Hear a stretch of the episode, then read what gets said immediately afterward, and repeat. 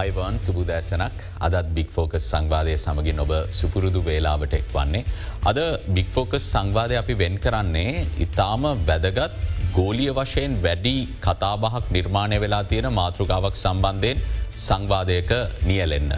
මේ මාතෘකාව ලෝකයේ සංවර්ධනයට වගේම ලෝකයේ ඉදිරි පැවැත්මට ඉතාම තීරණාත්මක වන මාතෘකාවක්. එනිසා ලංකාව තුළ කෙසේ වෙතත් ගෝලිය වශයෙන් මේ සම්බන්ධයෙන් විශාල කතිකාවතක් නිර්මාණය වෙලා තියෙනවා. නමුත් ලාංකිකයන් විදිහට අපිත් මේ කාරණාව සම්බන්ධයෙන් දැනුවත්වීම ඉතාම වැදගත්.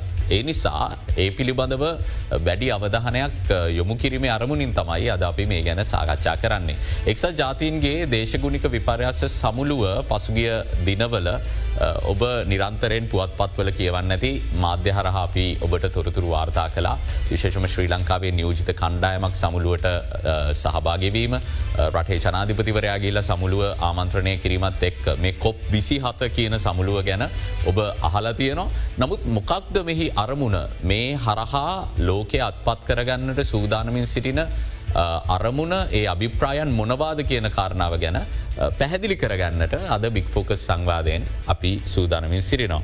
කාලෙකට පස්සේ බික්‍ෆෝකස් සංවාදයට බොහොම මේ සුපුරුදු ආරාධිත අමුත්තෙක් අපිත් එක්ක සම්බන්ධ වෙනවා. පරිසරමත්‍යංශය ලේකම් විශේෂඥ වෛද්‍ය අනිල් චාසික මහත්මය අයිබන් කියල වෛදම පිළිගන්න මයිදන්නේ කෝවිඩ් වසංගතය සමේ සතිපතා වගේ අපි හමුවන කාලිකට පස්සෙ තම අද හමුවන්නේ සතුටු ඒ ගැන. ඒත් එක්කම පරිසර අමාත්‍යංශයේ දේශගුණ විපර්යාස ලේකම් කාර්යාලයේ අධ්‍යක්ෂ කේන් කුමුදුනී විද්‍යාලංකාර මහත්මයත් අයිබෝන් කියලා සංවාදයට පිළිගන්නවා. ඒත් එක්කම මොරටුව විශ්වවිද්‍යාලයේ දේශගුණ විපර්යාස සඳහා කාබන් විමෝචනය කිරීම පිළිබඳ විශේෂඥ යාන්ත්‍රික ඉංචිනේරුවන්ශයේ කතිකාචාරය ආචාරය APT සුගතපාල මහත්මයවත් අයිබෝන් කියලා අපි සංවාදයට පිළිගන්නවා. ලේකම්තුමනි මුලින්ම මං දැනගන්න කැමති ම පූර්විකාව කිව්ව වගේ අපි කොප් විසි හත සමුළුව ගැන ප්‍රෘති බැලුවා අපි ජනාධිපත්තුමන්ගේ කතාව ඇහුවා. නමුත් මෙහි පසුබිම ගැන විශාල අවබෝධයක් අපි හිතන්නෑ ලාංකිකයන්ට තියෙනවා කියලා. ඇයි ලෝකයේ දේශගුණික විපර්යාස සම්බන්ධයෙන් මේ තරම් බරක් තියලා කතා කරන්න. ඇයි මේ වගේ සම්මන්ත්‍රණයක් පවත්වන්නේ. අපි මේ පසුබිම ගැන සාකච්ඡා කරලා ප්‍රවේශයක් ගමු. ඔව මහිතන්නේ ඒ ප්‍රවේශීතාව වැදගත්. මේ දේශගුණ විපර්යාස කියන එක එක්දස් නවසි හැට ගනංවල දල වගේ මේ ජාත්‍යන්තර ප්‍රජාව එක්සත් ජාතීන්ගේ මණ්ඩලේ සාකච්ඡා කරලා මේක තියෙන ඉතාම වැදගත්කම සහ බරපතලකම නිසාම මේ එක්සත් ජාතින් තීරණය කරනවා මේ සඳහා වෙනමම වැඩ පිළිලක් අවශ්‍යයි කියලා. එතකොට දැන් දේශකන විපර්යාසකිව් හම අර හරිතාගාරවායු හරිතාගාරවායු ඇතිවෙන්නේ ප්‍රධාන වශයෙන් පොසිල ඉන්දන ගල්ලංගුරු මේව දැවීම නිසා මේවා ඇත්ත වශයෙන්ම දැවන්ත විදියට ආරම්භූනේ කාර්මික විප්ලවඉඉදලා තොට දාහත් දහටවැනි සතවර්ශයඉදලා එතකොට මේ දහනය නිසා මේ පරිසරයේ ඇතිවන දැවන්ත වෙනස් තමයි මේ දේශගුණක විපරයාස කල කියන්නේ. එකැනේ ගෝලි උෂ්ණත්වය වැඩිවීම එතකොට මෙහිම කඳු දියවීම ඒ වගේම මුහුදු මට්ටම ඉහළයෑම එතකොට දේශගුණ කලාප වෙනස්වීම ජලය අඩුවීම ජලය වැඩිවීම තැම් ප්‍රදේශවල එතකොට කෘෂිකර්මයට ඇතිවන බලපෑම් ජීවන වෘතීන්ට ඇතිවන බලපෑම් සෞඛ්‍යයට ඇතිවන බල මෙ දැවන්ත බලපෑම් පමණක් නෙවෙයි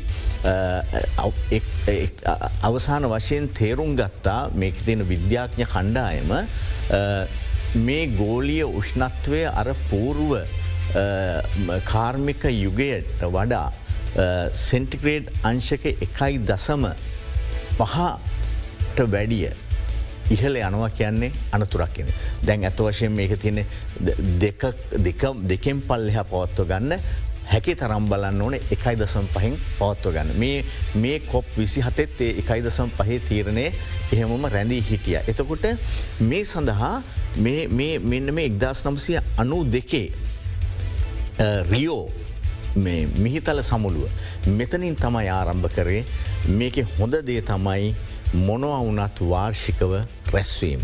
එතකොට මෙහි අරමුණ වෙන්න මොකක්ද මේ ගෝලීය දේශකුණු විපර්යාස පාලනය කර ගැනීම සඳහා ගෝලීය ප්‍රජාව පාර්ශ්වකරුවන් රටවල් එකසිය අනු අටක් ඒ දක්වා වැඩි වෙලා තියෙනවා එකතු වෙලා වසරෙන් වසර සාකච්ඡා කල්ල එකඟතාවලට පැමිණෙමින් අර මේක අවුදු පහෙන් පහට තිබුණනං එහෙම මේක අවධානය හැලෙනවා.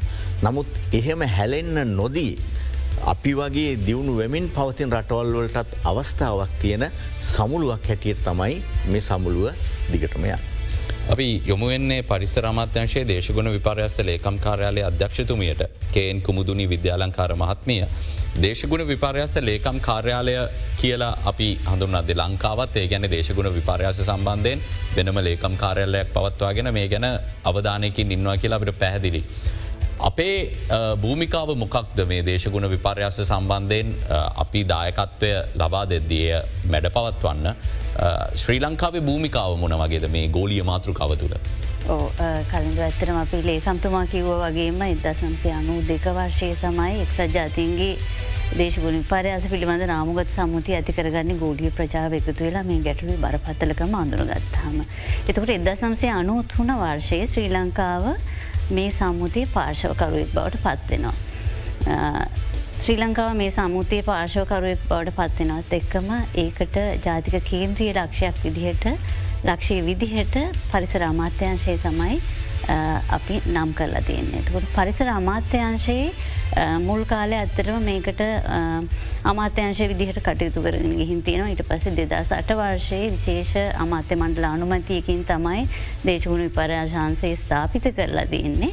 එතුට අපේ මූලික කාරය දෙයාකාරයි. එකක් එක්සත් ජාතින්ගේ දේශකුණ විපරාස පිළිබඳ රාමගත සම්මුතිය ක්‍රියාත්මක කිරීමේදී ඒ අන්තර්ජාතිකව තියෙන අපිට තියෙන බැඳීම් ටික සහ එතනින් අපිට කරන්න දෙන ටික ලංකාව හරහ කරගන්න කොහොමද කෙනෙ කාරය දෙවිදියි කලින් කලට අපි විවිධ වාර්තා සනිවේදන වාර්තා ඒ වගේ දේවල් එක් ජාතිගේ රාමුගත් සමුතිර ඉදිරිපත් කරන්න ඕන. ඒ අප ඉදිරිපත් කරන ඒවගේම එතනති ගන්න තීරණ අපි ලංකාවේ අනිත් පාර්ශවකරුවන් එක එකතු වෙලා ක්‍රියාත්ම කරන කිසියාකරක සම්බන්ධී කරන කටයුත්තක් සම්බන්ධී කරනයට එහගේ කටයුත්තක් සිද්ධ වෙනවා ඇත්තරම මොකද ලංකාව තුළ දේශ අපි කලයිමට ඇක්ෂන්ස් කියලා කියනවා. කලයිමට ඇක්ෂන්ස් ක්‍රියාත්ම කරද්දි අනිත් සීලුම පාර්ශව එක එකතු වෙලා මේ කොහොමද අපේ අනුගතවීම් වලට තියෙනක්ෂන්ස් කරන්නේ. අන එතකොට කාබන් විමෝචනය අඩු කරන්න කොහොමද කටයුතු කරන්න ගෙන මේවට සැලසුම් සකස් කරන්න මේවට අවශ්‍ය විදේශ මූල්ලෙ සපය ගන්න මේ හැමදේකටම මූලික වෙලා කටයුතු කරන්න දේශගුණ විපරස ලේකම් කාරලි පරිසරාමාත්‍යංශය විදිහට. එතකොට ඇතරම සියලු පාර්ශවකරුවන් එක්ක අපි කටයුතු කරනවා. ඒත් ඒත් එක්කම අර එක් සජාතින්ගේ දේශගුණ පරස පිළිබඳ රාමගත් සම්මුතිය එක්ක තියෙන අනිත් කටයුතු ටික අනිත් පැත්තිෙන් කෙන තකොට මේ අන්තර්ජාතික සහ දේශීය වශයෙන් කියන දෙයාකාරයෙන්ම කටයුතු කරන්න අපිට සිද්ධ වෙලා තියෙනවා මේ කෙති. Uh, ආචාර්ය සුගතපාල මහත්මයා ඔබතුමාගේ විශේෂඥ විෂය නිසා මේ විෂය. මං කැමති uh, ගෝල් ගෝලිය තත්ත්වය ගැන යම්කිසි ආකාරක පැහැදිලි කර ගැනීමක් කරගන්න. ලෝකය දේශගුණ විපර්යාස සම්බන්ධයෙන් මේ තරම් බරපතල් ලෙස අවධානය යොමු කරන්නේ. අපි කොයි තරම් අවධානමකද සිටින්නේ ලෝකය uh, ගැන අපි කල්පනා කරදි ලෝකවාසීන් ගැන කල්පනා කරද්දි. දේශගුණික විපර්යාස හමුවේ අපි කොයි තරම් අවධානමකදී. ඇත්තර පෝකට මූලික පදනප වැටෙන්නේ විද්‍යාත්මක දත්තත් එක්ක තමයි මේ තීන කාරණු කාරණා වෙන්න ඇත්තරමත ඒකදී මහිතන්නේ අපි කරන කොඩාක් වැඩකට යුත්තවලදී ඒ විද්‍යාත්ම පදනම කියෙන හරි වැදගන්න. මේ දේශකුල විපාර්යාශ සිදිවෙන්න මේ කාබන් විමෝචනය හරහ කියන එකත් අපි විද්‍යාත්ම පෙන්න්න පැ මේ ඒකට මහිතන ගොඩාක් සයින්ටිෆික් එක විද්‍යාත්මක පදමක් එක්ක පර්යේෂණ කරලා තමයි මේ කවුණු කරන කතාවෙන්නේ. ඒකෙදී පර්ේෂණකයක තමත් වෙනවා දිගටම ගැන හැම අවුද්දක් ගානම ලේකන්තුමා කිව්වාගේ අපි මේ සාකච්ඡා කරනම අලුතින් දැනීමක් කෙන හිද. ඒ දැනිමත් එක්ක ඒ තත්ත්ව වෙනස් වෙන්න පුළුවන්. ඒකෙදී මේ කොප් විසිහත කියන මේකෙදී ආචත් ලේකන්තුමා කිව්වාගේ ආය කතා වෙලා දැන්තින ඒ දත්තත් එක් බැලු හම පේන විදිහට අර ඉස්සල්ල කිව් එක දැසු පහ දෙක සැගේත් අන්ස කියන කතාව ආයෙත් ඒගොල්ලු මේ රියෆර්ම් කරයිමනත්නගේ එක තීරණය කර එක හරි ඒකට අන්ඩෝන එතකට දැනට ඒ ඇදසු පහ එකත්ම එකක් ගීලා තියෙන්නේ. අපි තව දවසම හතරයි තියන්නේ. ඔ ඒක ඇත්තනම හරිම අමාරු වැඩක් ඇබැ මේකෙති කිවී අමාරුණට ඒත් තාමත් පුළුවන් කියලා. හැබැයි ඒකදේ ගන්නවන ක්‍රියාමාර්ග ඉස්සරද ගොඩක් අමාරුයි. උදාහන්නකට කිවොත් විද්ධාන්ව පදන වලින් එන දත්තන්න කියන්නේ දෙදස් තිහ වෙනකොට අපිට සියයට හතලිස් පහක් කාබුනිම ෝචන අඩු කරන්න ඕන දස් දහනමේ ඒගැන ගිය උද ඉසර උද එකට වඩාගේ සිට හතිස් පාකයන් භාගයක් විතර. ඒක හරිම අමාරු වැඩක්. ඒක බැලුත් ලංකා පැත්තෙන් බැලුවොත් එහෙම අපි ඔබතුම දන්න ඇති අපි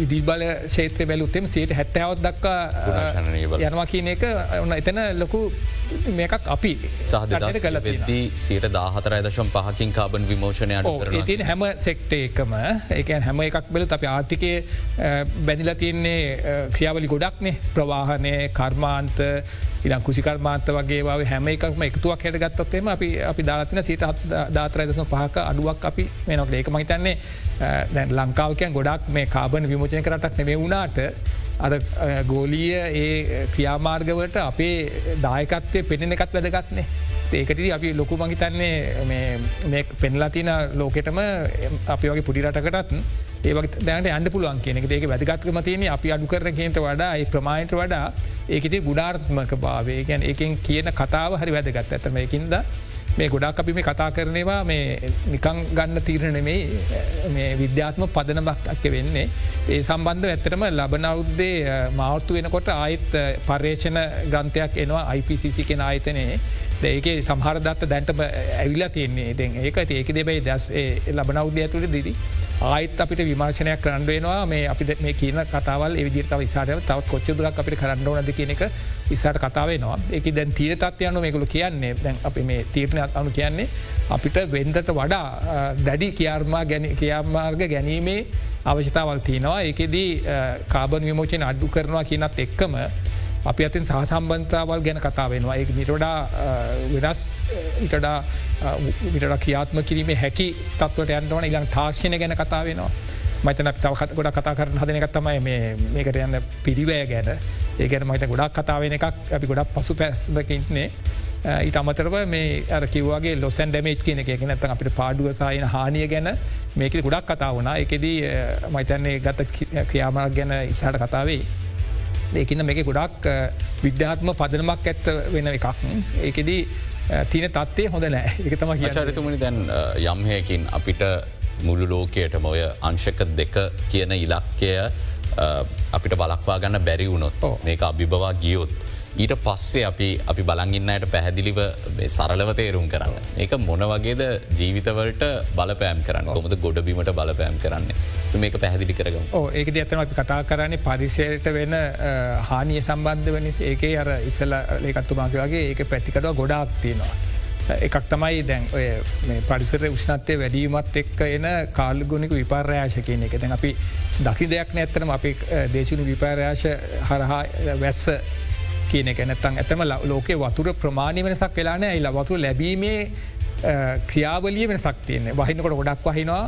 ඉළඟට පායනට ගොඩක් පායනවා. සමහර අපිතුමු තෙත් කලාප ළඟට මේ අපි ගැන්න මේ ඒකැන්නේ වියලි කලාප පැත් පත පත්වෙනවා දැන වීලි කලාප තෙත් කලාප ඇත පත්වෙන වෙනස එක පැත්තිගෙන ද ඒකක් ඒකත් එක් පරිසර වෙනස්වීම එකත් එක් අපිට අපේ ජීවිතය අපේ කුෂ්කාර මත බැලුවොත් එහෙම ඒක වෙනස්වීම වෙන එක. අපිට වගා කරනපු ඉස්ර වගාකරපු බෝග දැන් බාක කිරීම හැකියාව ලැබෙන්නේ නෑ. මති එකුසිකාරම පැත්තෙන් බැලුහම ඉළඟටර වතුර දැන් අයිස් දියවීම හරහායන රටවල් යටවීම කියන එකන්නේ මුදු ගොඩ ගන්නවා කෙනේ වගේ පැත්ත ගැන. ඒ පැත්තේනවා ඊට අමත